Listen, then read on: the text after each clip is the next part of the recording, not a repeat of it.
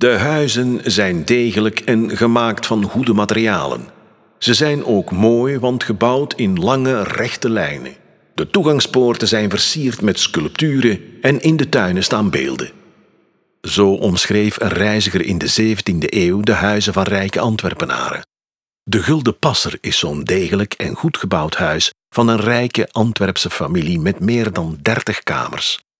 De maquette geeft u een idee van de omvang van het gebouw. Christoffel Plantijn bouwt zijn bedrijf in Antwerpen van nul op. Als beginnende ondernemer investeert hij elke cent die hij verdient opnieuw in zijn zaak.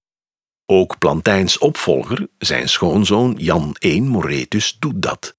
Het bedrijf komt op de eerste plaats. Altijd. Vanaf de derde generatie is er ook geld voor andere zaken.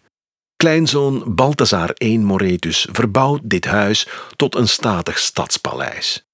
Gebouw en interieur moeten de status van de familie in de verf zetten. De drie pronkkamers zijn dan ook een 3D-visitekaartje.